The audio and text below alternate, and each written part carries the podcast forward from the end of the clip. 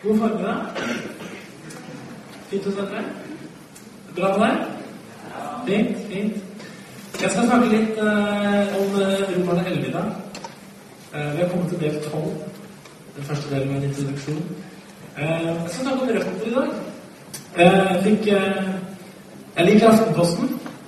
Og eh, derfor abonnerer jeg på det i helga, for det er sånn litt tid til å lese det. Det har vært sånn noen ganger. Og så Da får jeg A-magasinet med sånne fine annonser bakpå. Det var ikke den jeg skulle vise. Jeg skulle vise forsida fra forrige, forrige helg. Er det andre som har sett A-magasinet forrige helg? Du må begynne å lese Aftenposten. Så Det er, det er en bra avis med litt reklame.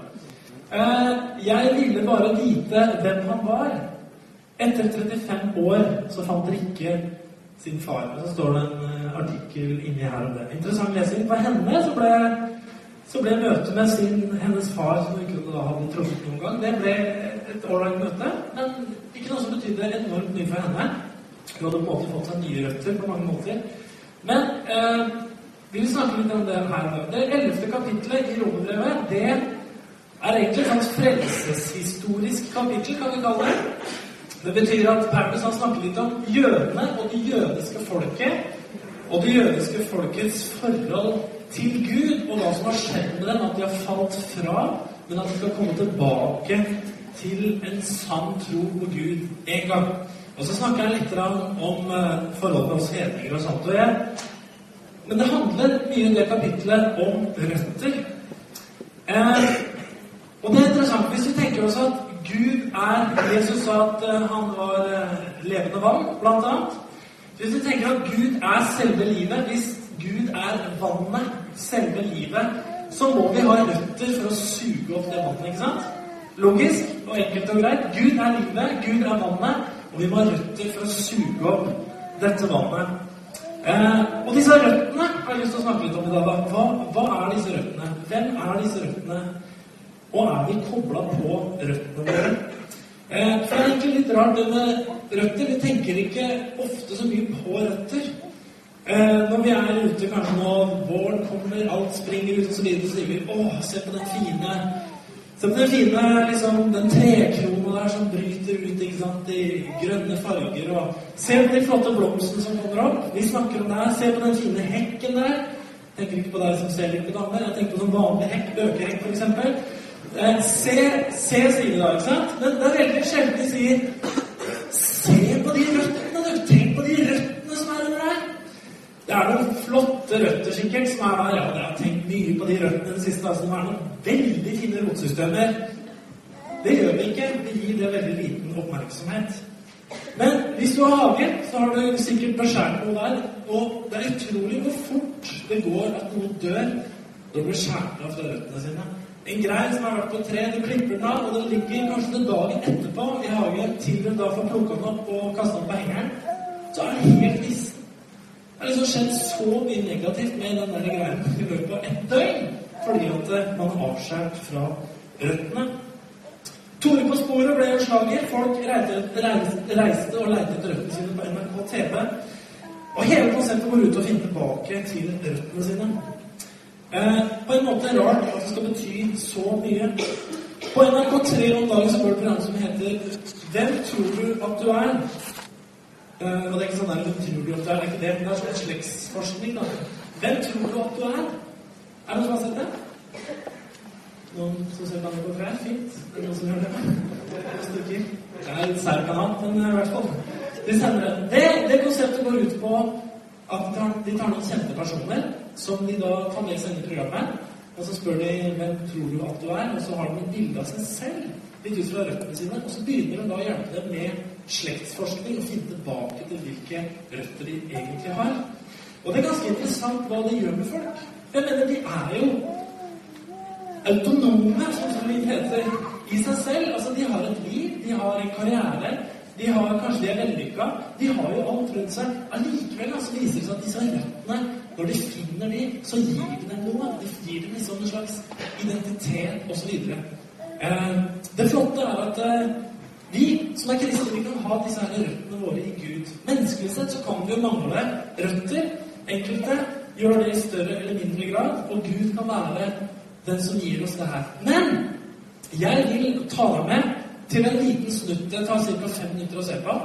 Det er da BBC, Who Do You Think You Are, som er originalserien, som har med forfatteren eh, til Harry Potter-bøkene Eh, når hun oppdager hvem som egentlig er hennes oldefar eh, Hun trodde nemlig hun hadde en oldefar som var feil. Vi fant ut at hun hadde en annen oldefar. Og jeg har lyst til å bli med, at du blir med litt og ser på en historie i forhold til hva det gjør med henne at hun finner ut hvilke røtter hun egentlig har. Hennes, bare for å gi deg litt intro, for dette er ikke oversatt eh, Han er fransk, finner jeg ut. Han gjorde en heltemodig innsats under den første verdenskrig. Han var egentlig servitør. Og hadde fått 15 dagers opplæring i å være soldat, fordi at alle måtte ut i krig etter hvert. Det var jo titusener på hundretusener av mennesker som døde. Eh, men han gjør da en heroisk innsats. Her skal du bli med fem minutter og se hva det gjør med henne å finne røttene sine. Da kan vi snurre til. Sterk historie. Jeg syns i hvert fall det. Og det er rart med hvordan vi kan oppdage hvor vi, hvor vi, kommer fra.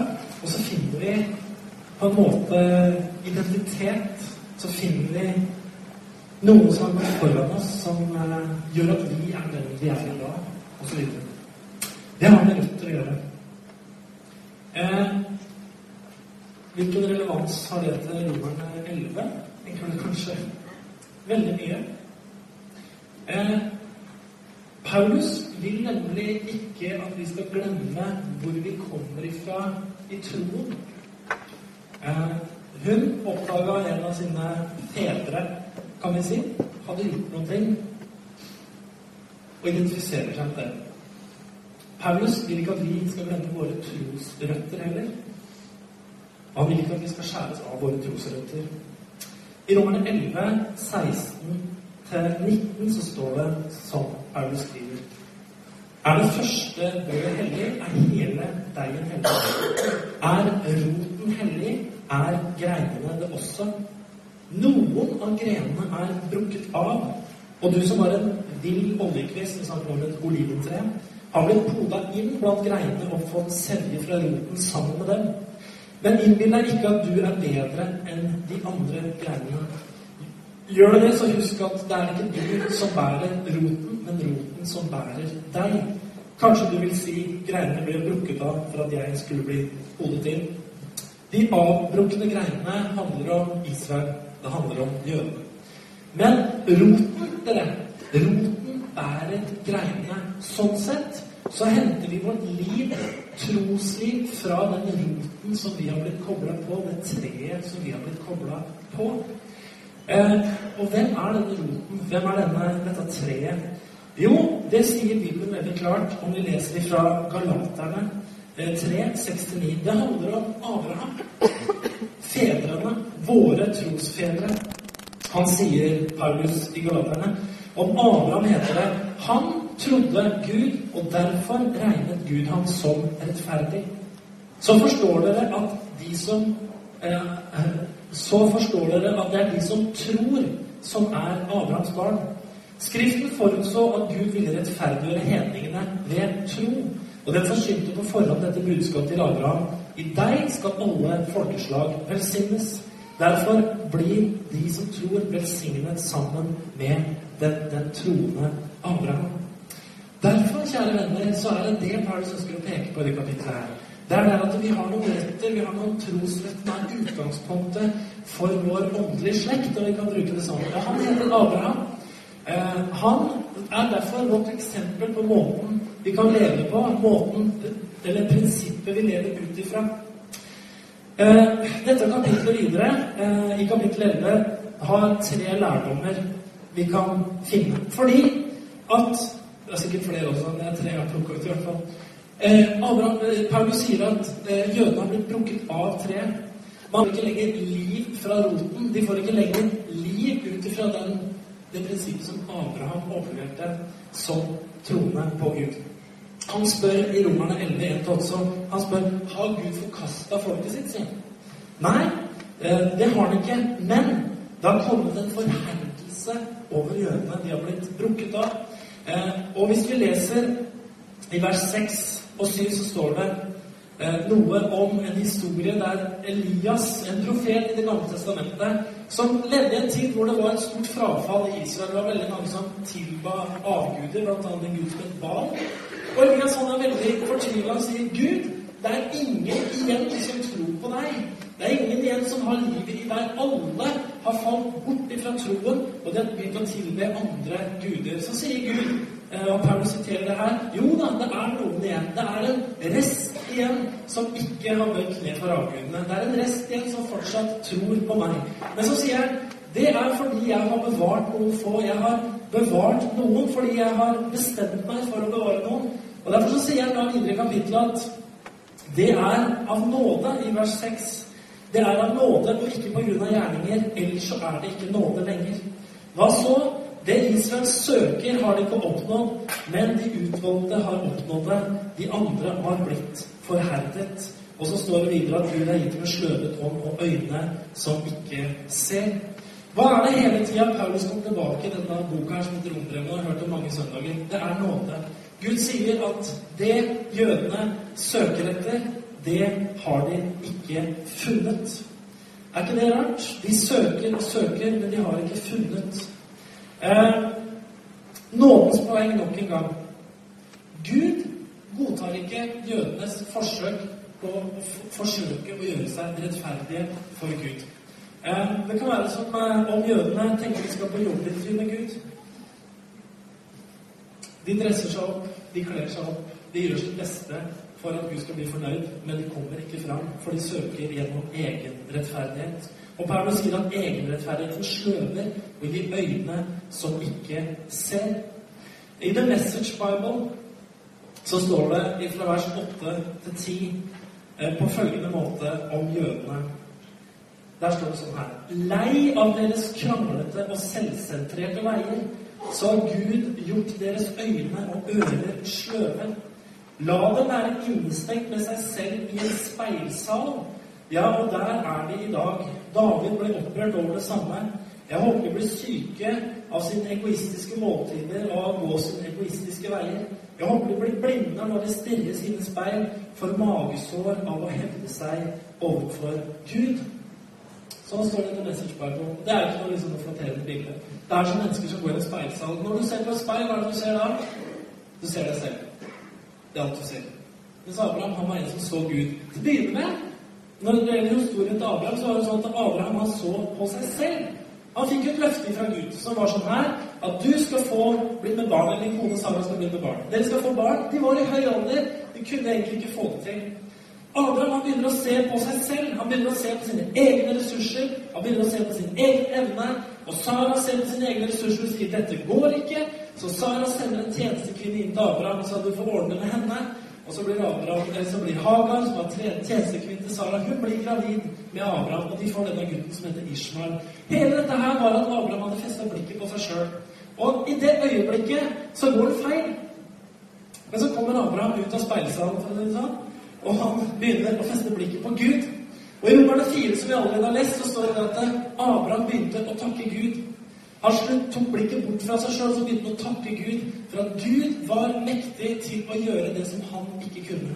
Og så kjenner vi historien til Abraham at han etter hvert opplever at kona Sara blir gravid, selv om det var umulig.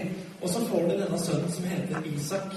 Og da trådte Abraham inn i en annen måte å forholde seg til Gud på. Det handla ikke om hva Abraham kunne få ut av sine egne ressurser, men det handla om hva Gud kunne gjøre som et mirakel. Det er en stor forskjell på det, kjære venner. Fordi at Abraham, sånn som Israel, han søkte å oppfylle Guds løfte for sitt liv. Men han kunne ikke få det til sjøl. Det måtte være Gud som gjorde miraklet. Det andre punktet i dette kapitlet her, det er at når religionen feiler, så åpner det døren for andre. I Romerne 11, 28-32 så står det sånn her På grunn av evangeliet, han skriver om jødene, på grunn av evangeliet er det blitt Guds fiender for at dere skal få frelsen. Men pga. utvelgelsen er de elsket av Gud for fedrenes skyld. Med andre ord så er liksom det delt om jødene. Ja, de er fortsatt elska, de er Guds utvalgte folk, de er elska. Men de har allikevel blitt Guds fiender pga. evangeliet. Eh, jeg vet ikke om du har eh, tenkt på det her med å være på jobb og få lønn.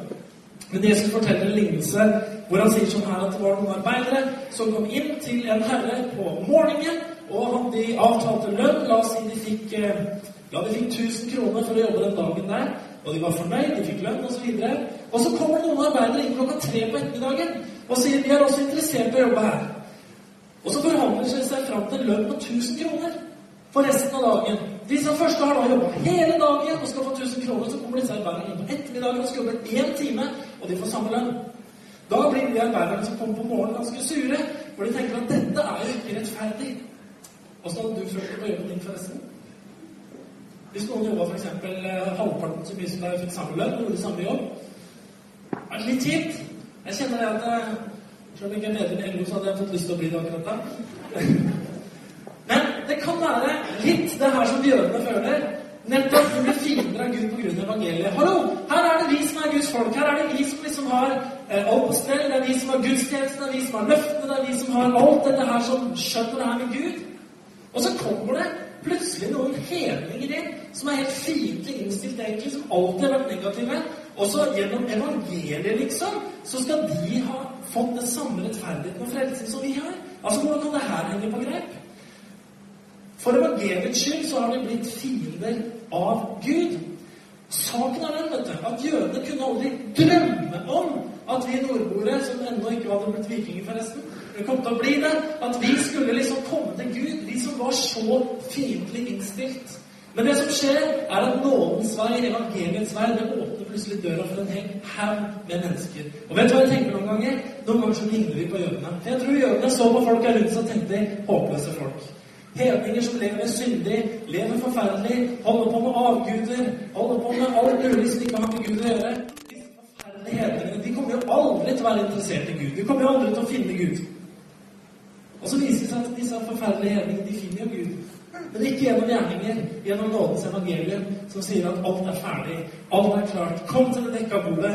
Kom inn gjennom å tro på Jesus og bli forvandla fra innsida og ut. Og så tror jeg noen ganger vi som er kristne, vi kan sitte på samme måte og si Nei, det, er helt håpløst med verden rundt oss. De er jo så negative til Gud, og folk er så avgudsdyrkende, og folk er så opptatt av andre ting. De kommer jo aldri til å bli interessert i Gud.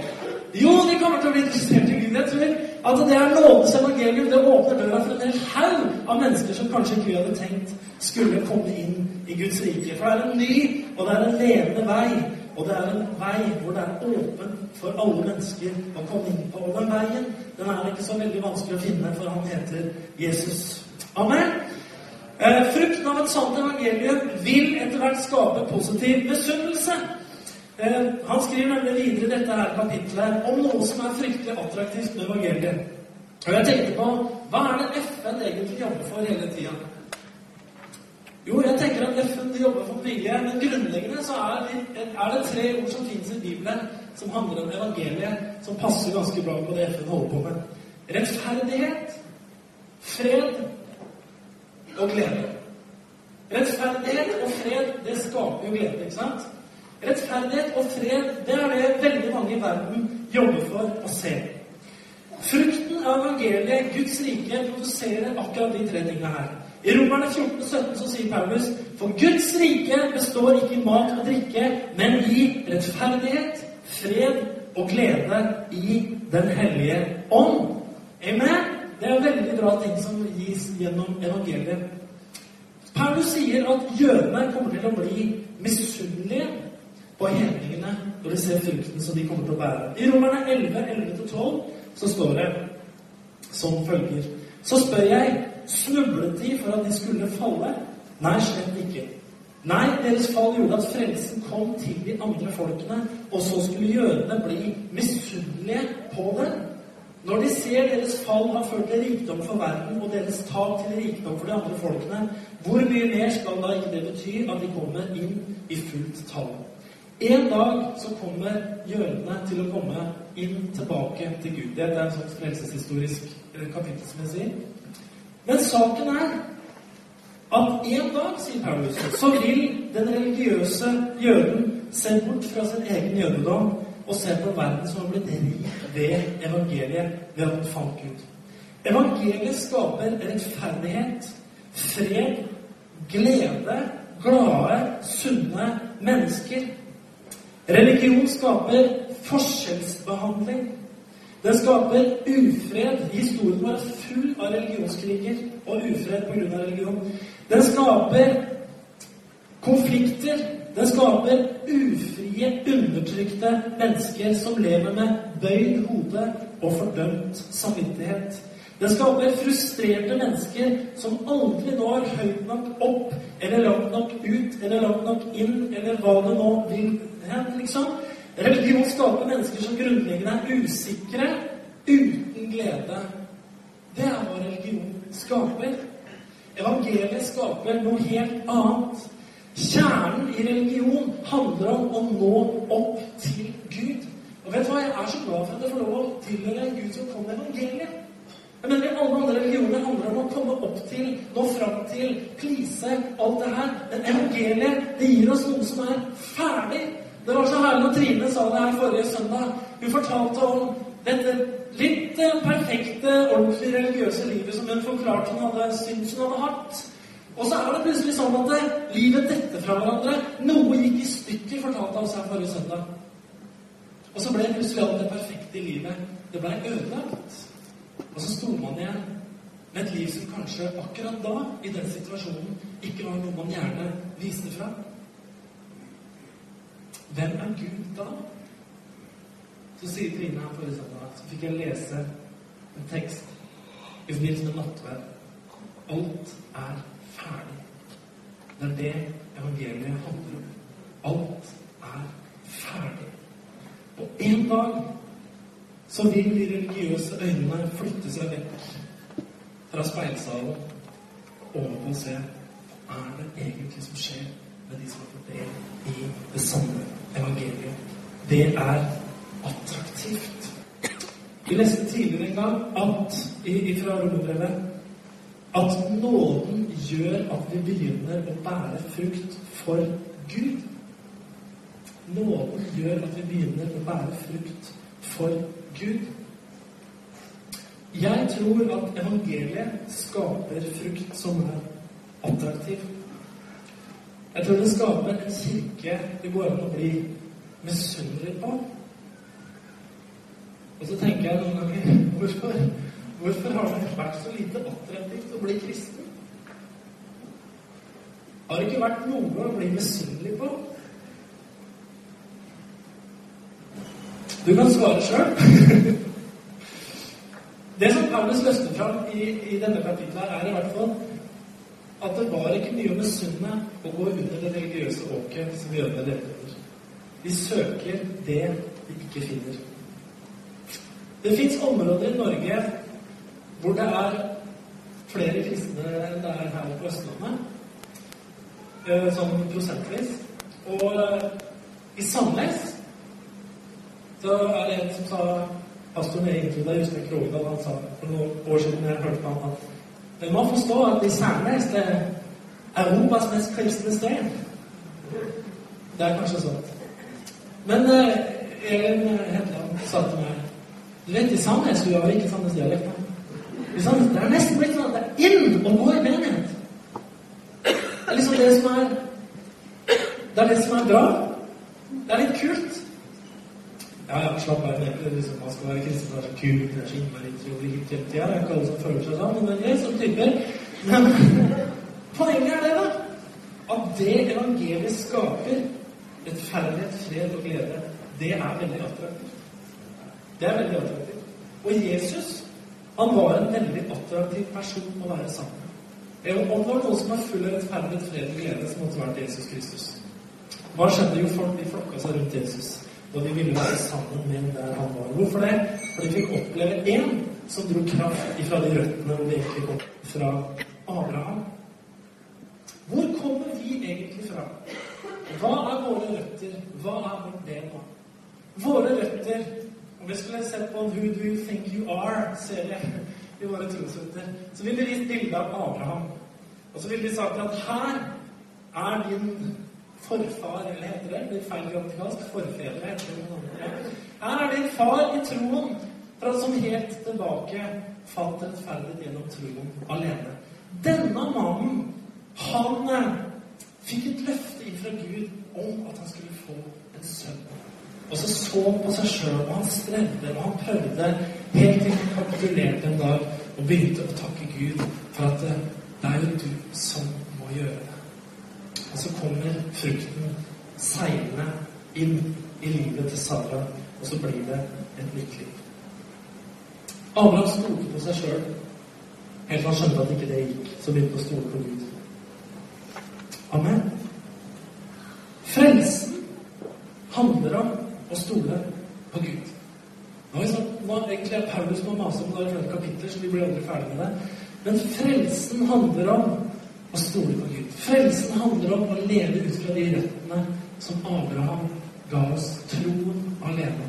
Og vet du hva som skjer med det åndelige livet vårt? Om vi avskjæres fra den rota, da dør det åndelige livet vårt så fryktelig fort som det gjorde for å gjøre.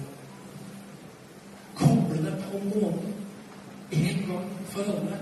Vit at din frelse er et resultat av nåde. Det er ikke et resultat av hva du kan få til i din egen kraft og styrke. Og ikke bare det, men vær også en som lever ut fra nåde når det gjelder dine omgivelser. Vi har så lett for å måle folk. Vi har så lett for å klassifisere mennesker. Men vet du hva? Hos Gud så er det plass til alle. Og alle får lov å være på den veien de er, og de får lov å komme fram gjennom Guds nåde. Amen? Dette her er våre røtter. Vi kommer til å forlate Romerbrevet 11 i dag, og vi kommer til å gå inn i kapittel 12 neste gang. Og Paulus begynner å snakke om praktisk kristenliv. Og på en måte så er det da en sånn avslutning på alt det han har snakka om, om nåde osv. Det som, det som eh, sitter igjen i meg etter de ukene her, når jeg har gått gjennom det her, det er enda øh, en enda større forståelse av nåde. Eh, jeg syns nåden er helt, helt fantastisk. Og så tenker jeg på at det har blitt så stort for meg at man, man kan virkelig man kan, Vi kan virkelig stole på Guds nåde. Vi kan virkelig La det være nok. At Gud vil være med den som oppriktig søker ham, så vil nåden virke i våre liv. Jeg syns det er så fantastisk. Eh, det gjør noe, det gjør noe med oss ikke sant, i forhold til hvordan vi hva er det vi gir til mennesker som er rundt oss? Hvordan er det vi presenterer Gud? Hvordan presenterer det å være kristne osv.? Jeg har jo vært i kontakt med litt skoleelever og sånn den siste måneden et par, et par ganger. Eh, og det er jo dette som er så lite attraktivt for mange når de tenker på kristen tro. Det er det at de, de ser jo ikke noen. De ser jo ikke den rota ikke sant, som Abraham er, hvor det går opp og det stoler på Gud. De tenker på det å være kristen som er speilsalen. Ikke sant? At du skal gå inn i rommet, og så skal du bli speila rundt omkring i, liksom, i Bibelen eller et eller annet sånt, og så skal du se hva du må pynte på hele tida, om det er bra nok, osv. osv. Dere kvinner vet hva jeg snakker om. Eh, det står i speilet. Altså, har jeg fått med den rette kremen? Er det nok rouge? Er det for lite rouge? Skal jeg ha mer eyeliner? Burde jeg, burde jeg, burde jeg kjøpt tre produkter til? Altså, det er mange ting man kan tenke på når man står i speilet her. Men Gud vil at vi skal flytte blikket bort fra det. Og jeg skulle ønske dere Og min bønn er virkelig at det her må synke oss som, som forsamling. At det er dette vi skal være videre. Det er kraftig, kraftig greier. Altså. Jeg vet ikke om du har fått med deg alle gangene. Det har sikkert uh, ingen gjort. Men uh, gå gjerne gjennom romerbrevet og fortsett å lese i romerbrevet. Jeg tenker at evangeliet er utrolig attraktivt. Jeg tenker at rettferdighet er attraktivt. Jeg tenker at fred er attraktivt. Jeg tenker at glede er attraktivt. Og jeg tenker at når vi får lov å leve i den dimensjonen i vårt åndelige liv, så blir det attraktivt å snakke om tro. Vet du Jeg merker en forskjell på meg sjøl i forhold til å snakke om tro. Jeg husker Før så følte jeg at jeg måtte stå til rette for så mye. på en måte. Det var liksom så mange ting man følte liksom skulle bli angrepet i forhold til troen. Måtte jeg liksom forsvare hele kristenheten og hele kirkehistorien og Gamletestamentet og Nytestamentet og alt noen hadde sagt, og alt, alt alle prester hadde sagt opp gjennom alle tider, og liksom, liksom alle religionskriger, alt måtte jeg liksom ta ansvar for. Er det sånn hva jeg mener? Ja. Og det blir jo ganske slitsomt, eh, merker jeg. Eh, og så er det noe med det at eh, ja, Unnskyld, jeg mener vi tråkker på noen tær, men når du vokser opp da i et opplegg som er litt religiøst, altså så er det noe med at det er ting man kanskje egentlig ikke helt står for heller. Som man allikevel må stå for fordi at religionen forteller at du skal stå for det. Jeg har brukt noen sånne banale eksempler som bare høres på min generasjon. Det er klart det er vanskelig det er vanskelig å stå for at det er synd å dra på kino når du sitter hjemme i stua og ser på den samme filmen. på en måte. Det er vanskelig å forklare det. Rett og slett. Det er vanskelig å være frimodig i forhold til det. Det er så mange ting som kanskje har vært som bare har vært i religion, hvor vi har speila oss sjøl. Og så har vi på en måte gått i en sånn type selvbekreftende kristent miljø hvor vi bekrefter hverandres religiøsiteter. ikke sant? Og så, og så når vi skal mennesker med det, så, så skjønner ikke helt folk hvorfor det må være sånn å bli kristen. Og så skjønner de det ikke helt sjøl heller. Det blir veldig vanskelig å forsvare troen. Dette tror jeg er grunnen til at Paulus, når han reiser ut misjonsreisene, var et sånt enormt gjennombrudd. Han hadde et enkelt budskap, og det handla om de åndelige røttene. Det handla om Abraham. Det det handler om, det er at Jesus Kristus er en historisk person som levde for 2000 år siden. Vet du hva? De aller fleste mennesker, hvis de ikke lever en sånn sterk historisk fornektelse, vil si ja, vi vet at Jesus har levd. Selvfølgelig har han gjort det, men han er ganske godt dokumentert. Jesus Kristus har levd. Det spørsmålet kan vi spørre folk. Tror du at Jesus er en historisk person? Ja, det vil de fleste si ja til. Det er ikke sikkert jeg gir noen historiebøker. Eh, så er det neste spørsmålet om Jesus var Guds sønn. Døde Jesus på et kors? Ja, det gjorde han. Det er også veldig godt historisk belagt. Så er det store spørsmålet sto han opp fra de døde. Vet du hva flere jeg snakka med? Det er, det er ganske mange som Ja, de utelukker ikke det. Veldig mange tror faktisk det. Og hvis man tror det, så er man jo da så nær frelsen at det er bare en bekjennelse igjen. Det er det Paulus sier. Dersom du tror at Jesus Kristus er Guds sønn, at han døde for våre synder, og at han sto opp igjen tredje dag, da skal du bli frelst. Nothing more. Jeg skulle ønske at vi ble enda flinkere til å fortelle det evangeliet som handler om Jesus, som handler om død, som handler om oppstandelse. Og at ikke vi er så opptatt av religion, men at det er han med veien, sannheten og livet. Ja, men hva med den der andre pakka som kommer med? Vet du hva den andre pakka som kommer med? Vet du hva den heter for noe? Den hellige ånd. Det er den pakka som kommer med frelse. Hva er det Den hellige ånd gjør, da? Jo, Den hellige ånd, sier Bibelen, som vi har lest om her da, Det han gjør, det er at han er en som forvandler oss fra innsida. Han er en som gjør noe med det indre, som gjør at vi får lyst til å gjøre det som Gud vil at vi skal gjøre. Som, som gjør det at vi er elska, og derfor så elsker vi. Han elskes oss først, derfor så elsker vi. ikke? Vi har blitt rettferdiggjort, derfor så lever vi rettferdige liv. Vi har fått fred, derfor er vi det å skape fred. ikke sant? Vi har fått glede, derfor kan vi gi glede. Hvorfor det? Fordi at vi blir født på ny, og Den hellige ånd inn i hjertet vårt. Det er det evangeliet handler om. Amen. Jeg skulle Åh, jeg håper vi kan bare bli evangelister på en ny måte. At vi kjenner at vi har et fresht, et fresht budskap. Vi har noe ikke vi trenger å skamme oss over. Og så er det noen spørsmål som er vanskelige, som vi lurer på, som folk lurer på. Og vet du hva, Noen ganger så kan vi, kan vi lure litt, vi også, sammen. Det er ikke farlig, det. Hvis, hvis du skal evangelisere og fortelle om troen din og sånn Hvis det er noe ikke du kan svare skikkelig på, si eller det. Jeg har ikke helt noe godt svar på det.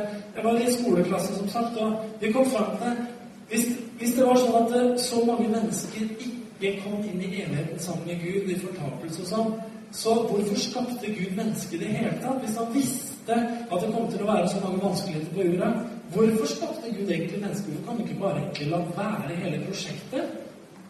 Og være for seg sjøl? Ja, tenk på det sjøl. Jeg skjønner noe, jeg skjønner ikke det helt. Jeg. De lurte på det jeg sa, at det er sannelig usikker på sjøl. Så har jeg som forslag i klassen. Ja, men kanskje det var sånn at han trengte noen han kunne utløse sin kjærlighet på? Det har jeg tenkt på, men jeg hadde bare ikke sagt det ennå. Ja, så er det, det, kan være mye, det kan være mye, det. Det er en ganske bra tanke.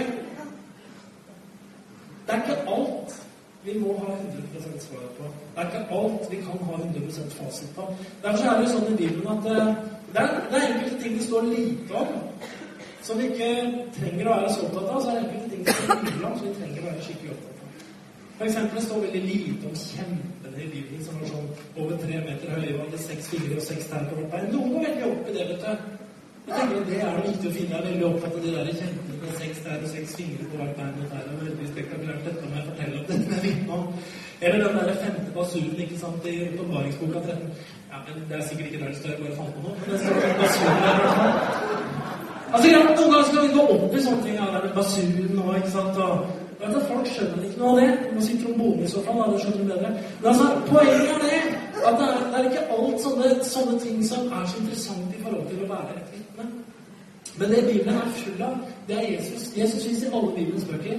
Han fins profetert om i alle Bibelens bøker. Hele Nyttestamentet handler om Jesus. Alt det Paulus snakker om her Skulle bare lese Galaterbrevet. Det handler om nåde, alt sammen. Hele, hele romerbrevet handler om nåde. Alt sammen handler om nådens evangelium. Hvorfor må Paulus skrive så mye om det? Hvorfor må han knøle og kna nå i elleve kapitler om det her med nåde? Jeg veit hvorfor. Fordi at vi har problemer med å akseptere nåde. Vi har problemer med det. I vårt religiøse vesen, i vårt falne vesen, så fins det noe som heter egoisme. Og denne egoismen handler veldig ofte om at vi skal prestere, og vi skal vinne. Jeg har to små gutter hjemme. De konkurrerer jo hele tida. Skal ned kjellertrappa, er det førstemann. Skal vi opp kjellertrappa, er det førstemann. Skal vi Jeg tar på, på balkonkøyene. Førstemann til badet, førstemann til. Det er en fin måte å få meg på.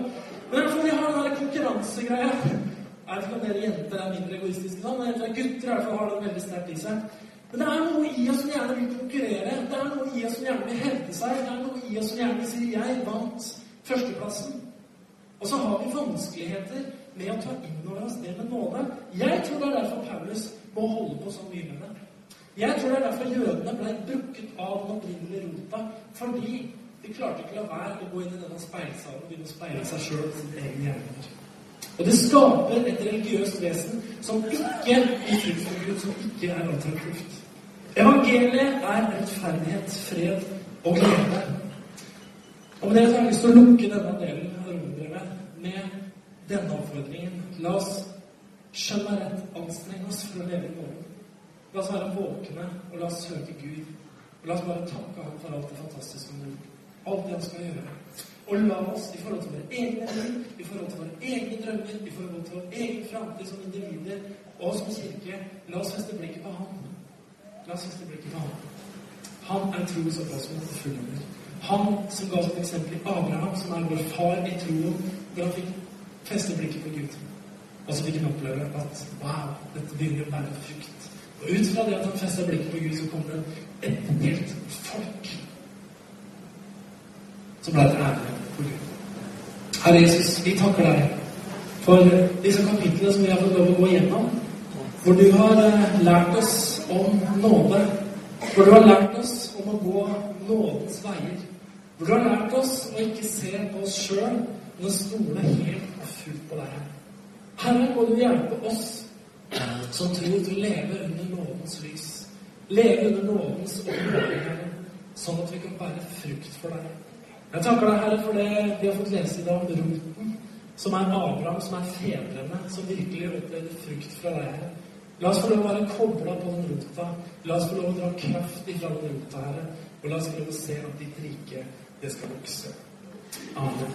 Kan ikke dere lovsangsteamet stikke opp av platene ditt, og så skal vi ta og reise oss.